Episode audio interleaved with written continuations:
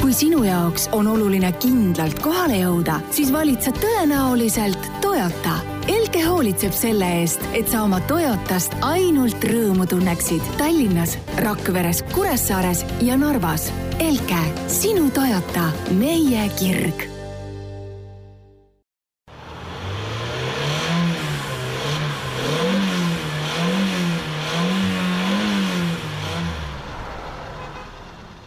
tere ja sel puhul hoopis äh, kena kolmapäeva õhtut, sellepärast et äh, meil seekord tuli siin selline väike formaadi muudatus ja, ja nüüd ongi meil õhtune saade täna. Äh, stuudios oleme mina, Jan-Mattias Mandri, Forte peatoimetaja ja siis Veli Acceleristast. tere, tere! ja, ja täna siis vaatleme selliseid asju nagu loomulikult autoeksameid puudutav et äh, seal on siis suured muudatused veebruarikuust ja vaatame siis, mis muudatused need täpselt on ja mõtiskleme natuke selle üle, et äh, kuidas need meie liiklust ja seal toimuvat võiks muuta. Äh, räägime ka põtradega kokkupõrgetest, et üllataval kombel on see üks suuri probleeme jätkuvalt Eesti liikluses ja, ja vaatleme natuke, et kuidas need muutused seal on olnud ja, ja mis meid nende eest kaitsta võiks samuti äh, räägime teemal Soome autojuht versus Eesti autojuht, et äh, kes on keskmine inimene Soomes autoroolis ja kes on keskmine inimene Eestis autoroolis ja natuke räägime ka sellest, et mis autodega need keskmised inimesed võiks äh, keskmiselt mööda teed kulgeda. proovisõiduautoks oli meil Volvo S kuuskümmend R-disain ja nipinurgas räägime pisut autovarastest ja sellest, kuidas oma autot nende eest kaitsta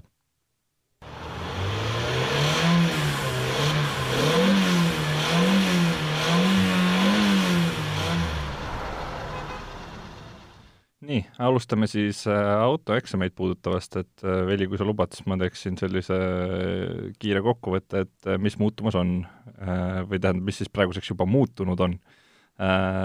Peamine asi, mis on, on see, et autokoolid peavad kasutusele võtma õppekavad ja, ja selle eesmärgiks on siis see, et kui siiani oli see õppekava ette kirjutatud ja, ja sisuliselt autokoolil jäi üle seda ainult järgida, siis äh, nüüd võib iga autokool ise endale õppekava luua vastavalt sellele, kuidas nad parajasti paremaks näevad. et äh, see peaks siis tagama suurema kohanemisvõime vastavalt sellele, kuidas meie liiklus muutub ja, ja ka ausama ja läbipaistvama teenindamise inimestele. et äh, see on siis, mõte ongi see, et kui sul on mingisugune moodul, ütleme, seal on ette nähtud, ma ütlen lihtsalt suvalise numbri, seitse tundi, ja võib-olla inimene läheb autokooli, teeb need seitse tundi ära, aga tuleb välja, et ohoo, äh, seitsme tunniga tema nüüd seda selgeks ei saanud, et siis on vaja teha üheksa tundi näiteks. et äh, võib-olla nendele inimestele tunduski varasemalt, et see on ebaõiglane ja, ja sellepärast ongi nüüd nagu autokoolil õigus seda ise määrata, et äh, et seda nii-öelda ebaõigluse tunnet vähendada tõenäoliselt äh, sellega kaasneb siis ka tegelikult see, et äh, baaskoolitused muutuvad mahukamaks ja, ja ilmselt kannatavadki selle all enim kas need inimesed, kes on varem väga hästi juba sõitma õppinud või kellel ei ole neid äh, sõidutunde nii palju vaja, ja, ja võib-olla ka need inimesed, kes sõidavad näiteks kuskil teistes piirkondades kui Tallinn ja Harjumaa või, või siis Tartu linn, on ju, et statistika näitab ka seda, et sealsed inimesed tegelikult äh, saavad äh, sõidueksamitest oluliselt lihtsamini läbi ja kindlasti ka igapäevaliikluses, kui sa näiteks sõidad Hiiumaal, siis see liiklus on oluliselt äh, rahulikum ja, ja kõiki neid ringteid ja, ja reguleeritud ristmikke, reguleerimata ristmikke, kõike seda on oluliselt vähem. Noh, trikiga kohti nii-öelda, kuhu siin Tallinnas viiakse ja mida on terve posu et seda loogiline jah, et väikses, väikses kohas, kui sa need trikiga kohad endale selgeks teed, siis sa saaksid justkui lihtsamalt lihtsamalt ja vähemate korduste arvuga läbi, aga tõenäoliselt siis ongi see, et kui siin on küsitud, et kas, kas see korra muutumine toob kaasa nii-öelda juhiloa kui sellise hinna kasvu, et siis tõenäoliselt see võibki pigem kehtida vist väiksemates kohtades just jah, et äh, noh, see, seda, mis, mis see siin äh, muutuma hakkab selle hinna poolest, et seda me näeme nagunii siin lähiajal. aga mis praeguseks veel muutunud on ja mis kindel on, on see, et uh, uued eksamiharjutused on ja, ja tekivad ka nendele vastavad platsid, et kaovad ära siis kaks harjutust platsi osast üks on sõidu alustamine tõusul ja mis on iseenesest huvitav, sest et tegelikult see on minu hinnangul vägagi vajalik oskus. see on tõesti huvitav, et ma ka just mõtlesin selle peale, et ütleme, et mingite asjade puhul on võimalik seda nagu vabandada, et seda ei ole vaja õppida, siis noh, siin võib ka argumenteerida, et tänapäevastel autodel on see nõlvalt stardiabi, on ju, ja tegelikult sul ei ole seda võib-olla vaja, kui sa sõidad automaadiga, siis see ka ei ole nii suur probleem võib-olla. aga samas meie keskmine autopargi vanus, on ju, on kaksteist aastat et kui paljudel neil, neil siin see nõlvalt stardiabi on, on ju. jah, eriti kui sa oled äh, alustav juht, siis äh, tundub ka nagu ebatõenäoline, et sa saaksid endale kohe kõige uuema, kõige kallima auto tagumiku alla, et pigem äh, ilmselt sõidetakse sellega, mis parajasti kättesaadav on ja ja võimalik, et ka kellegi teise mingi vana autoga või eriti noori silmas pidades, et ilmselt antakse näiteks äh, vanemate vana auto näiteks lapsele ja vanemad ostavad endale uue auto, et jah, noh, loogika võiks ju tegelikult olla see, et kui sõitma õpid, tee seda võimalikult nii-öelda keerulise või analoogse masinaga, et siis, kui tingimused lihtsamaks lähevad uut masinat soetades, et siis sa selles mõttes nii-öelda ei hävi oma oskustelt. et samamoodi nagu soovitatakse sõidueksam ka ikkagi sooritada seal piirkonnas, kus sa kõige rohkem sõitma hakkad, mitte minna lihtsama vastupanuteed ja ongi a la tallinlasel sõita Hiiumaale seda eksamit sooritama, on ju. et sa ise lihtsalt mängid endale elu sellega raskemaks, kui sa selliseid asju teed. no siin on täpselt nagu see automaatkasti ja manuaalkasti küsimus on ka, et äh, võib-olla me tulevikus siis on need äh, nii-öelda nõlvalt äh, stardiabiga load, et äh, sul ongi märge tehtud, et sa tohid sõita ainult selle autoga, millel on nõlvalt stardiabi. Äh, ja teine harjutus, mis ära kaotati lisaks sellele sõidu alustamisele tõusul, on, on siis tagurdamine pöördega, et see ei ole noh, minu arust see ei ole midagi hullu või mingit suurt mu-, suur muutus, et, et see sellest nüüd meie liikluses midagi kohutavalt halvemaks ei lähe, aga Äh, et siis teate, et äh, järgnevad korrad siis, äh, kui Vahtra lehte näete, siis hoidke tõusul paar meetrit vahet, et et kes teab, mis seal võib saada. Uuest Euroeksamist ka, et tegelikult need küsimused on siin olnud juba mõnda aega kasutusel, nelikümmend küsimust, kümme on liiklusohutuse kohta ja kokku võib eksami peale teha viis viga, aga nende kümne liiklusohutuse küsimuse lõikes tohib teha ainult ühe see meeldib mulle väga tegelikult, sest see, see on igatepidi õiges suunas minek, et ohutusega ei tohiks olla mingeid kompromisse ja mitte mingit teadmatust lubatud nii-öelda. no vot, ühesõnaga meil on ek-, sõidueksami koha pealt on ohutusega kompromiss ja teooriaeksami koha pealt ei ole. nii et, et sõidueksam üldiselt muutuski lihtsamaks, peale selle, et need kaks harjutust ära kaotati, siis kaotati ära ka see kriitiliste vigade loetelu, et kui sa näiteks sõidad kollasega, siis edaspidi sa võid ikkagi läbi saada, aga lihtsalt on sul selline väike märkus seal äh, nii-öelda otsuse peal kirjas, et äh, sa lihtsalt äh, said seal arvestatud, aga märkustega. et, et selles mõttes teoreetiliselt, teoreetilisest küljest muutub kõik raskemaks ja sõidueksam võib-olla muutub natukene lihtsamaks. Järgmiseks teemaks siis põtradega kokkupõrked, mis on ka liiklusohutuse seisukohast väga oluline teema natukene esiteks statistikast, et äh, tegelikult Eestis on põtrade hulk langenud aja jooksul ja, ja praeguseks on neid ametlike numbrite järgi umbes kaksteist või kolmteist tuhat. ja, ja jahimehed ütlevad samamoodi, et põtrasid on tegelikult vähe äh,. Mis ei ole muutunud, on aga kokkupõrkestatistika ja see on äh, aastate lõikes olnud enam-vähem sarnane, et aastas on äh, paarsada õnnetust põtradega et äh, isegi käisin siin paar nädalat tagasi äh, just Tartus ja, ja Tartu piiri peal sisuliselt oli äh, olnud siis liiklusõnnetus, kus oli põdrale otsa sõidetud. et ühesõnaga, see põdra kokkupõrge võib toimuda igal pool ja, ja sisuliselt igal ajal. Et kui me räägimegi sellest, et äh, kus ja millal on äh, kõige ohtlikum äh,, siis loomulikult on päikesetõusu ja päikeseloojangu aeg see, kus on eriti oluline silmad lahti hoida. ja, ja see on ka selles mõttes keeruline aeg, et tegelikult inimese silm ei kohane ja sul on niigi raske asju jälgida ja siis on veel nagu see loomade aktiivsus sinna juurde. Et, et selles mõttes alati, kui sõita nendel aegadel, siis tuleb olla super ettevaatlik, sõita rahulikumalt, eriti kui sõita kuskil äh, kõrvalistel teedel, et see on, see on kindlasti üks selline peamisi asju. ja, ja aastaaegade lõikes on äh, kõige probleemsemad siis äh, september ja oktoober äh, või siis üldse sügishooaeg, et siis on jooksuaeg ja samal ajal ka detsembrini kestab siis sügisest jahihooaeg, et siis on üpris tõenäoline, et võivad need põdrad sinna tee peale sattuda ja, ja teine aeg on veel mai ja juuni, kus põdramullikad iseseisvuvad kas sul on mingeid soovitusi inimestele anda veel peale selle, et äh, videvikus ja, ja nendel, ehk siis see pool aastat sisuliselt, mis on see pime aeg, äh, tasuks nagu eriti ettevaatlikult sõita? No lõppkokkuvõttes on veel ka see ju, et need põtrade liikumisteed on päris hästi ära kaardistatud. ja selle lingi nüüd, kui ma ei eksi, leiab ka siit artiklist mm. -hmm. ja kindlasti tasuks mitte ainult siis äh, eriti tähelepanelik olla päikseloojangu päikese tõusu ajal, vaid igal ajal, kui sa sõidad selles äh, teed ületavate loomade märgi mõjualas. et tegelikult need on suhteliselt täpselt ikkagi maha pandud. Et need ei ole, need ei ole ilmaasjata ja neid äh, šokivideoid on äh, nii mõnigi, kus äh, pardakaamerat sa näed, kuidas niisugusel päike on just loojunud pime aeg juba enam-vähem ja sõidad ja vastu tulevate autode tuled kõik paistavad, mingit valgusallikat justkui noh, näed, et tuleb ja tuleb ja äkitselt ütleme, sa näed kusagil viis meetrit enne põtra, et keset teed lihtsalt seisab põder. Nad on nii kõrged, et sa näedki vastu tulevate autode tulesid jalgade alt ja noh, see ei ole, see seal situatsioonis ei aitagi tegelikult mitte midagi muud, kui sellise võimalusega arvestada ja aeglasemalt liigelda, sest see ega see väga mõnus ei ole, kui, kui sellise elukaga kokku põrgata nii-öelda. jah, et põdra, põdraga on nagu see probleem ka, et kui ütleme siin noh, ma küll toon niisuguse võib-olla ebamugava näite, aga ütleme, kui koerale öö, äh, otsa sõita, siis öö, äh, kui sa oled selles olukorras, kus sa pead valima, et kas sa sõidad koerale otsa näiteks Tallinn-Tartu maanteel või, või sõidad vastassuuna vööndist tast mööda, on ju,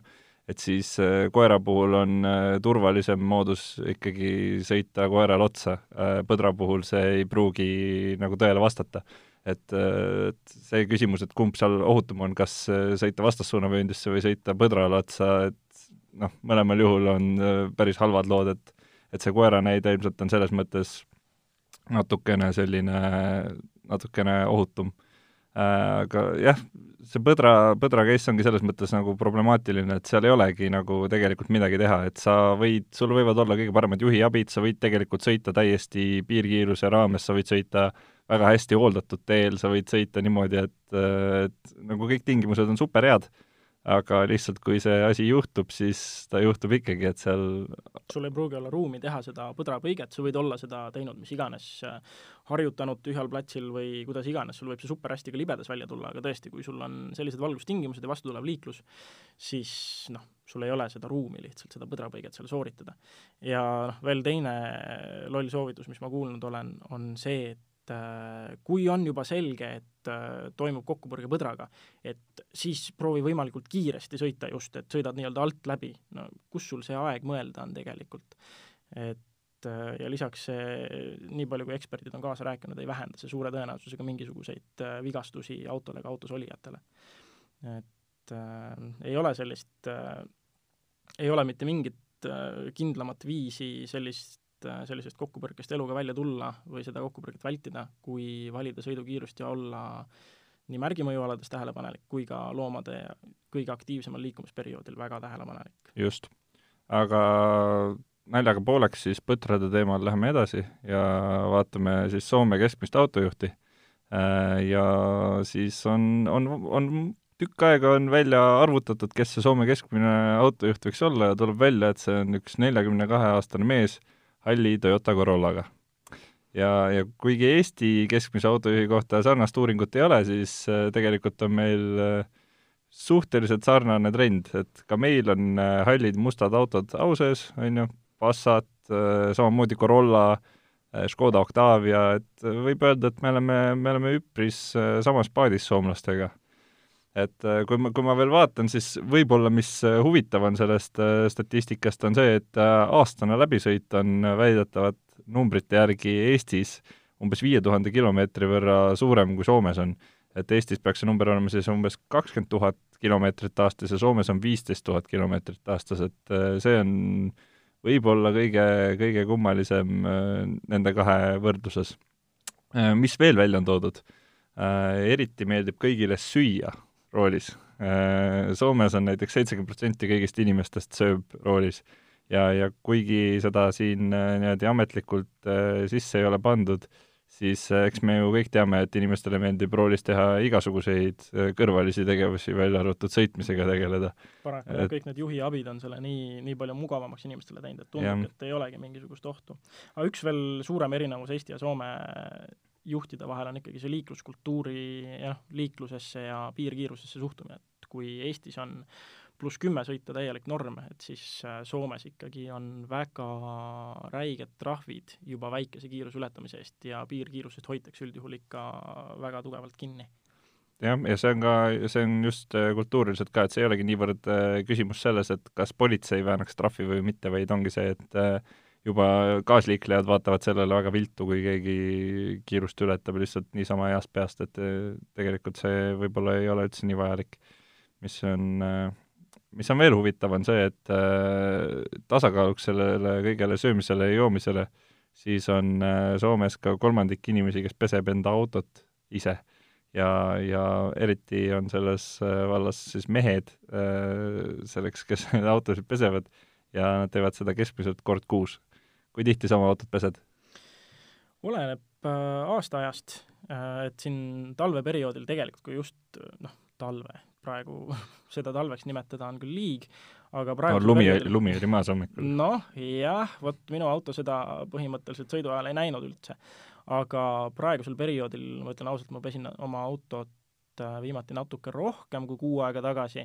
aga suvel jällegi on niisugune kahe nädala tagant on ikkagi niisugune suhteliselt miinimum. ja jällegi ikka muidugi ise, sest kes see tahaks siis minna oma auto värvi harjastega peksma et ikka ise survekaga ja šampooniga ja niimoodi on, on kogu asi kestvam natukene, aga praegu lihtsalt ma ei näe sellel mingit mõtet, sest et äh, pesed ära ja sul on kolm sõitu hiljem enam-vähem samasugune saastakiht peale jaa, ma, ma just pesin, siis oli kaks päeva, läks täpselt aega mm, -hmm. kus oli, olukord oli täpselt sama, kus enne, aga no samas äh, eks ta on nagu vajalik ka, et ma ikka üritan teda mingisugune kord kahe nädala tagant suht stabiilselt läbi aasta pesta, et siis noh, see ei ole midagi nii keerulist ka, eks neid isepesulaid on meil tänapäeval nii palju ja ja, ja nii ongi, aga, aga söömise koha pealt? ei, range söömisvastane poliitika minu autos. Väga no, kehtib ma, kõigile? jaa, ma ütleks, et võib-olla kahel korral aastas on äh, mingil põhjusel pidanud tegema erandi, aga söömisvastane poliitika, olgu see sõites või seistes. No vot, ühesõnaga keskmine mees see kindlasti ei ole siis ja keskmine autojuht ka mitte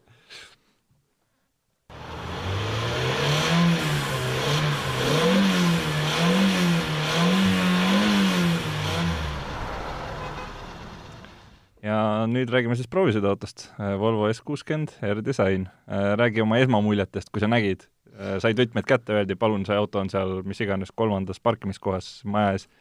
mis sa mõtlesid? Ähm, vaatasin, et see R-Design on, noh, ma pean tunnistama lihtsalt, kuna ma alles hiljuti tegin siin pikka mahukat tõlget, kus olid kõik need erinevad varustustasemed Äh, sees ära toodud ja nägin nüüd esimese, e-, nägin nüüd lõpuks oma silmaga ära, milline see R-disain on, äh, mille kohta ka igasuguseid detaile sai kirja pandud ja meelde jäetud, nüüd juba unustatud. et äh, ta näeb selles mõttes edev välja ka selle värviga, esimene kommentaar, mis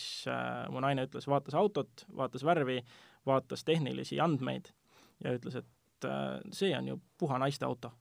Et niisugune huvitav punane äh, mis ta meil oli, kakssada viiskümmend hobust ja äh, mingil huvitaval põhjusel esivedu veel. ja noh, muidugi mugav ja hästi palju juhiabisid, on ju, et see on ju puha naiste auto see on huvitav, et sa niimoodi ütled, sest et äh, minul oli selle autoga selline kummaline kogemus, et ma ise ei noh, ütleme niimoodi, see on suhteliselt traditsiooniline väljanägemine auto jaoks mu arust, seal ei olnud nagu midagi erilist, on ju, noh, ikka nagu kõigil nendel sportlikel disainipakettidel on ju midagi nipet-näpet siin tehtud aga ei midagi sellist, mille peale ma oleks nagu nüüd kohe seal olnud, uhuu, jess, et saab sõita kihvti autoga. aga siis läksin ma enda reedeõhtusesse korvpallitrenni ja oh-ohoo, kuidas siis hakkasid tulema kommentaarid ja mingil kummalisel põhjusel inimestele täiega läks peale see auto. nagu niimoodi, et äh, tavaliselt noh, ikka on seal käidud igasuguste erinevate autodega, keegi pole varem mitte midagi kommenteerinud. on seal käidud Porschedega, on seal käidud äh, kaheksanda seeria BEM-idega, millega iganes. mitte ühtegi sõna. see üks Volvo ja vähemalt kolm või neli inimest küsis, oo, kelle see ilus Volvo seal väljas on, et jube, jube ilus on. nii et äh, võib-olla, võib-olla me oleme vale rühm, sellepärast et mingisugune niisugune kolmekümne, kolmkümmend pluss äh, meeste segmendist tundus, et see läheb nagu väga hästi peale inimestele ja just nagu välimuse koha pealt, et keegi nagu sisse ei vaadanudki, lihtsalt vaadati, oh, jube ilus Volvo on. et mm., äh, et selles mõttes tuleb välja, et äh, ilus väljanägemine on sellise tavalise, võrdlemisi tavalise auto puhul võib ka olla ikkagi eh, kõvaks plussiks. ja noh, niisugust äh, mõõdukat agressiivsust tal ikkagi selle paketiga on, on ju, et tõesti mingisuguseid Need on küll nii minimaalsed muutused, aga, aga ta jätab jah, täiesti teise mulje kui sul tavaline nii-öelda blankversioon. aga üks asi, mis oli huvitav, on see, et kas sa mäletad, mis oli hinnavahe esiveduse ja nelikveduse vahel või? see oli mingisugune marginaalne see oli mingi paar, paar tuhat, jah. et miks, ja noh, ja seda ütles ka see härrasmees, kes mulle selle Volvo kätte, kätte andis, et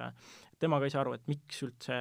toodi Eestisse esiveoline versioon, et see nelik on nii, nii nagu lähedal hinnaklassi mõttes. ja üldjuhul ikkagi eestlased eelistavad nelikut. vot ma olen enda jaoks selle just täpselt samamoodi kirja pannud, et mõnede jaoks on ilmselt esisillavedu miinuseks, aga mind see selle auto puhul ei häirinud. ühesõnaga, tegelikult minu jaoks ei olnud mitte mingit vahet, kas ta on nelik või mitte, et äh, seda võimu ei olnud nüüd nii palju, on ju, kakssada viiskümmend hobujõudu, noh, sellega ei teki seda probleemi veel, et seal oleks see äh, mure, et sa äkki ei saa seda jõudu maha, et selles mõttes ja, ei olnud ei, ei mingit torkstiiri mina ei tundnud, tühja, kaapi ma, ma teda ei saanud väga, väga mugav elamus ja mis mulle jällegi äh, üks, üks ägedamaid aspekte, mis mulle selle masina juures meeldis, oli see helisüsteem ja ta ei olnud kõrgema otsa see Bowers and Wilkins, vaid äh, Volvo mõistes tavaline Harman Kardon. ja no kurat, kui sellest süsteemist on veel mingisugune järgmine aste ülespoole sul varustuses, siis noh, see Harman Kardon oli juba täiesti super ja noh, lisaks veel see, et Volvol on, on ju oma need äh, nii-öelda custom ruumi kõla järgi kohal äh,, kohandatud äh, heliprofiilid. et sul ongi a la mingisugune kontserdisaal kusagil Göteborgis ja mingisugused sellised elamused, et selle koha pealt äh, väga vinge ja mina jäin selle, selle helielamusega igatepidi rahule ja sisemüra on nii vaikne, et et noh, ongi, kuuledki kõiki nüansse, et samamoodi, kui ma olen sattunud a la telefonist mingisuguse uue hea loo peale, siis kuulates seda autos, sa kuuled nii palju rohkem nüansse lihtsalt ära, et see asju ja käike, mida, ja motiive, mida sa enne tähele ei pannudki. ma omalt poolt tooks äh, veel paar plussi, mis, äh, mis mulle, esiteks, äh, kui me juba rääkisime sellest võimsusest, siis just võrreldes V60-ga, millega me sõitsime siin suvel, siis tegelikult see on, see on see, mida ma tunnen, et oli puudu äh, võrreldes V60-ga, et jäi nagu liiga uniseks, praegu oli ka, ütleme niimoodi, seda, see kogemus oleks võinud olla parem, võib-olla nelikuga see oleks olnud äh, ideaalne, võib-olla oleks olnud parem, kui oleks äh, lihtsalt natuke võimu juures olnud, aga ütleme, V60-ga see häiris, sel puhul see ei häirinud, see oli, see oli nagu tavaline kogemus. Ähm,. noh, vilgas ühesõnaga. jah, ütleme, kindlasti, kui me võtame niisuguse äh, universaalse kümne palli skaala, siis ta jääb kindlasti sealt viiest sinna plussi poole mm. -hmm. Hind on, äh, ma, ma alguses mõtlesin selle peale ja mõtlesin, et kas see on selle auto eest liiga palju. et tegelikult oli seal nagu sees oli natuke plasti ja selline noh, seal olid mingid asjad, mis selle premium-segmendi sellise definitsiooni koha pealt mind natuke häirisid. aga tegelikult ma mõtlesin selle hinna peale ja mõtlesin, et see ei ole ju tegelikult midagi erilist et nelikümmend tuhat põhimõtteliselt hakkab see baashind ja sealt üles, on ju. ja, ja kuuekümne tuhande eest saab juba pistikhübriidi, et selles mõttes hind on ka tegelikult väga mõistlik. Äh, võib-olla üks asi, mida ma veel kritiseeriks, äh, on see, et kui pereautona tahta seda kasutada, siis taga võib-olla on ruumi natukene liiga vähe. et, et kui äh, panna ikka täiskasvanud või, või suuremad lapsed sinna istuma, siis see võib-olla on nagu üks põhjus, miks vaadata pigem V kuuekümne poole ja, ja täpselt samamoodi selline nagu see esisillaveo asi, siis äh, kindlasti mõnede inimeste jaoks on probleem see, et äh, diiselmootorit äh, Volvo enam ei tee ja, ja seda ei olegi võimalik saada selle autoga. et kui diislit otsite, siis S kuuekümne poole ei tasu enam vaadata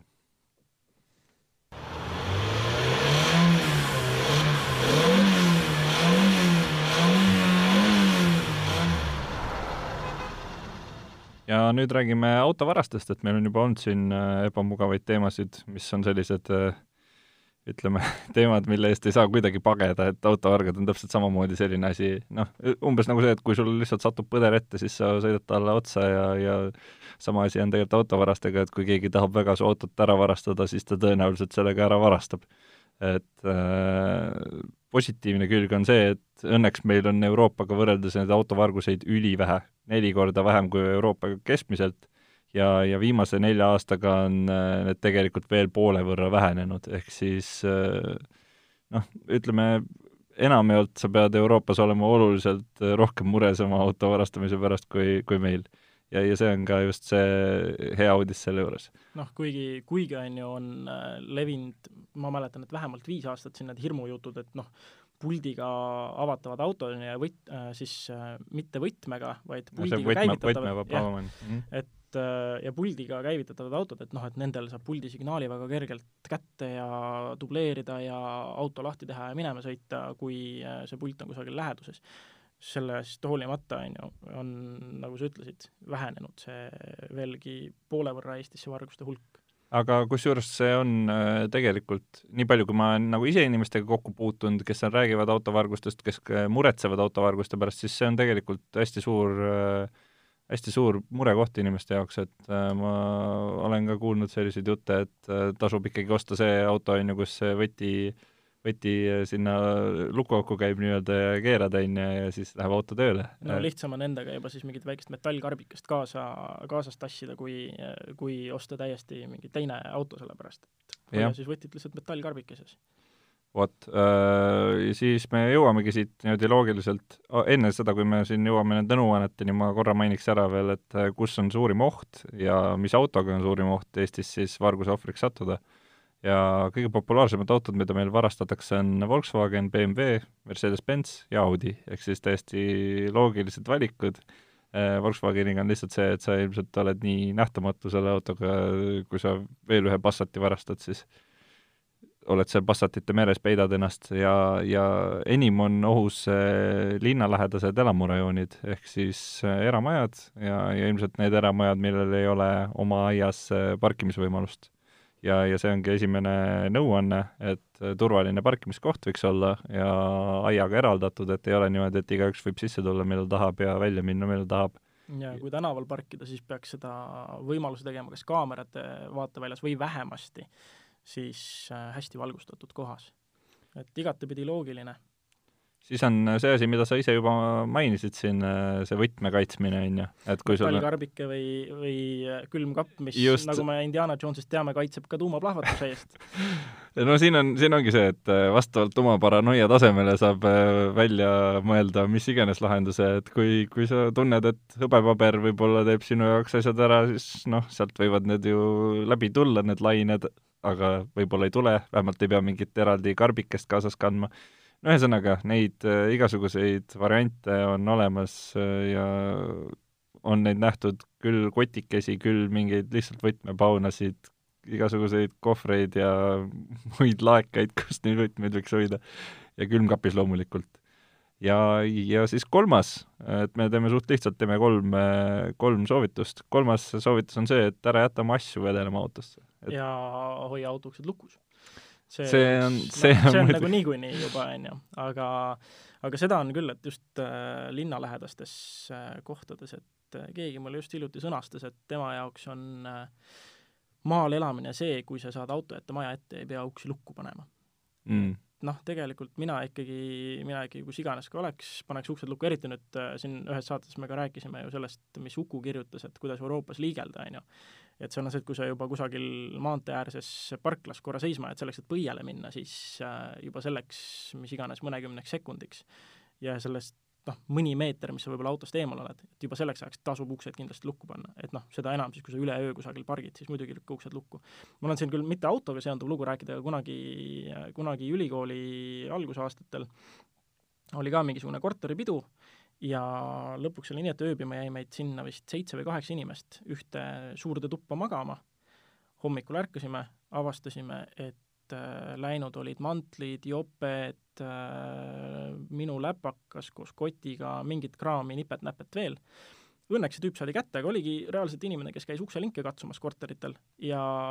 teda see ei häirinud, et ta astus sisse tuppa, kus magas seitse-kaheksa inimest. Läks, võttis esimesed väärtuslikud asjad, mis kätte jäid ja pani ajama ja keegi selle peale üles ei ärganud, keegi midagi ei kuulnud. Et noh, autoga täpselt samamoodi ära jätta asju vedelema, hoia uksed lukus, et mingisugused lingikäppijad ei saaks äh, lihtsa vaevaga su asju kätte. jah, nagu ma ütlesin, siis kui keegi tahab su auto ära varastada, siis ta varastab seda nagunii, tee see aga võimalikult raskeks. vähemalt sa ise ei tunne ennast pärast võib-olla halvasti, kui sa nagu auto uksed lahti jätsid ka veel.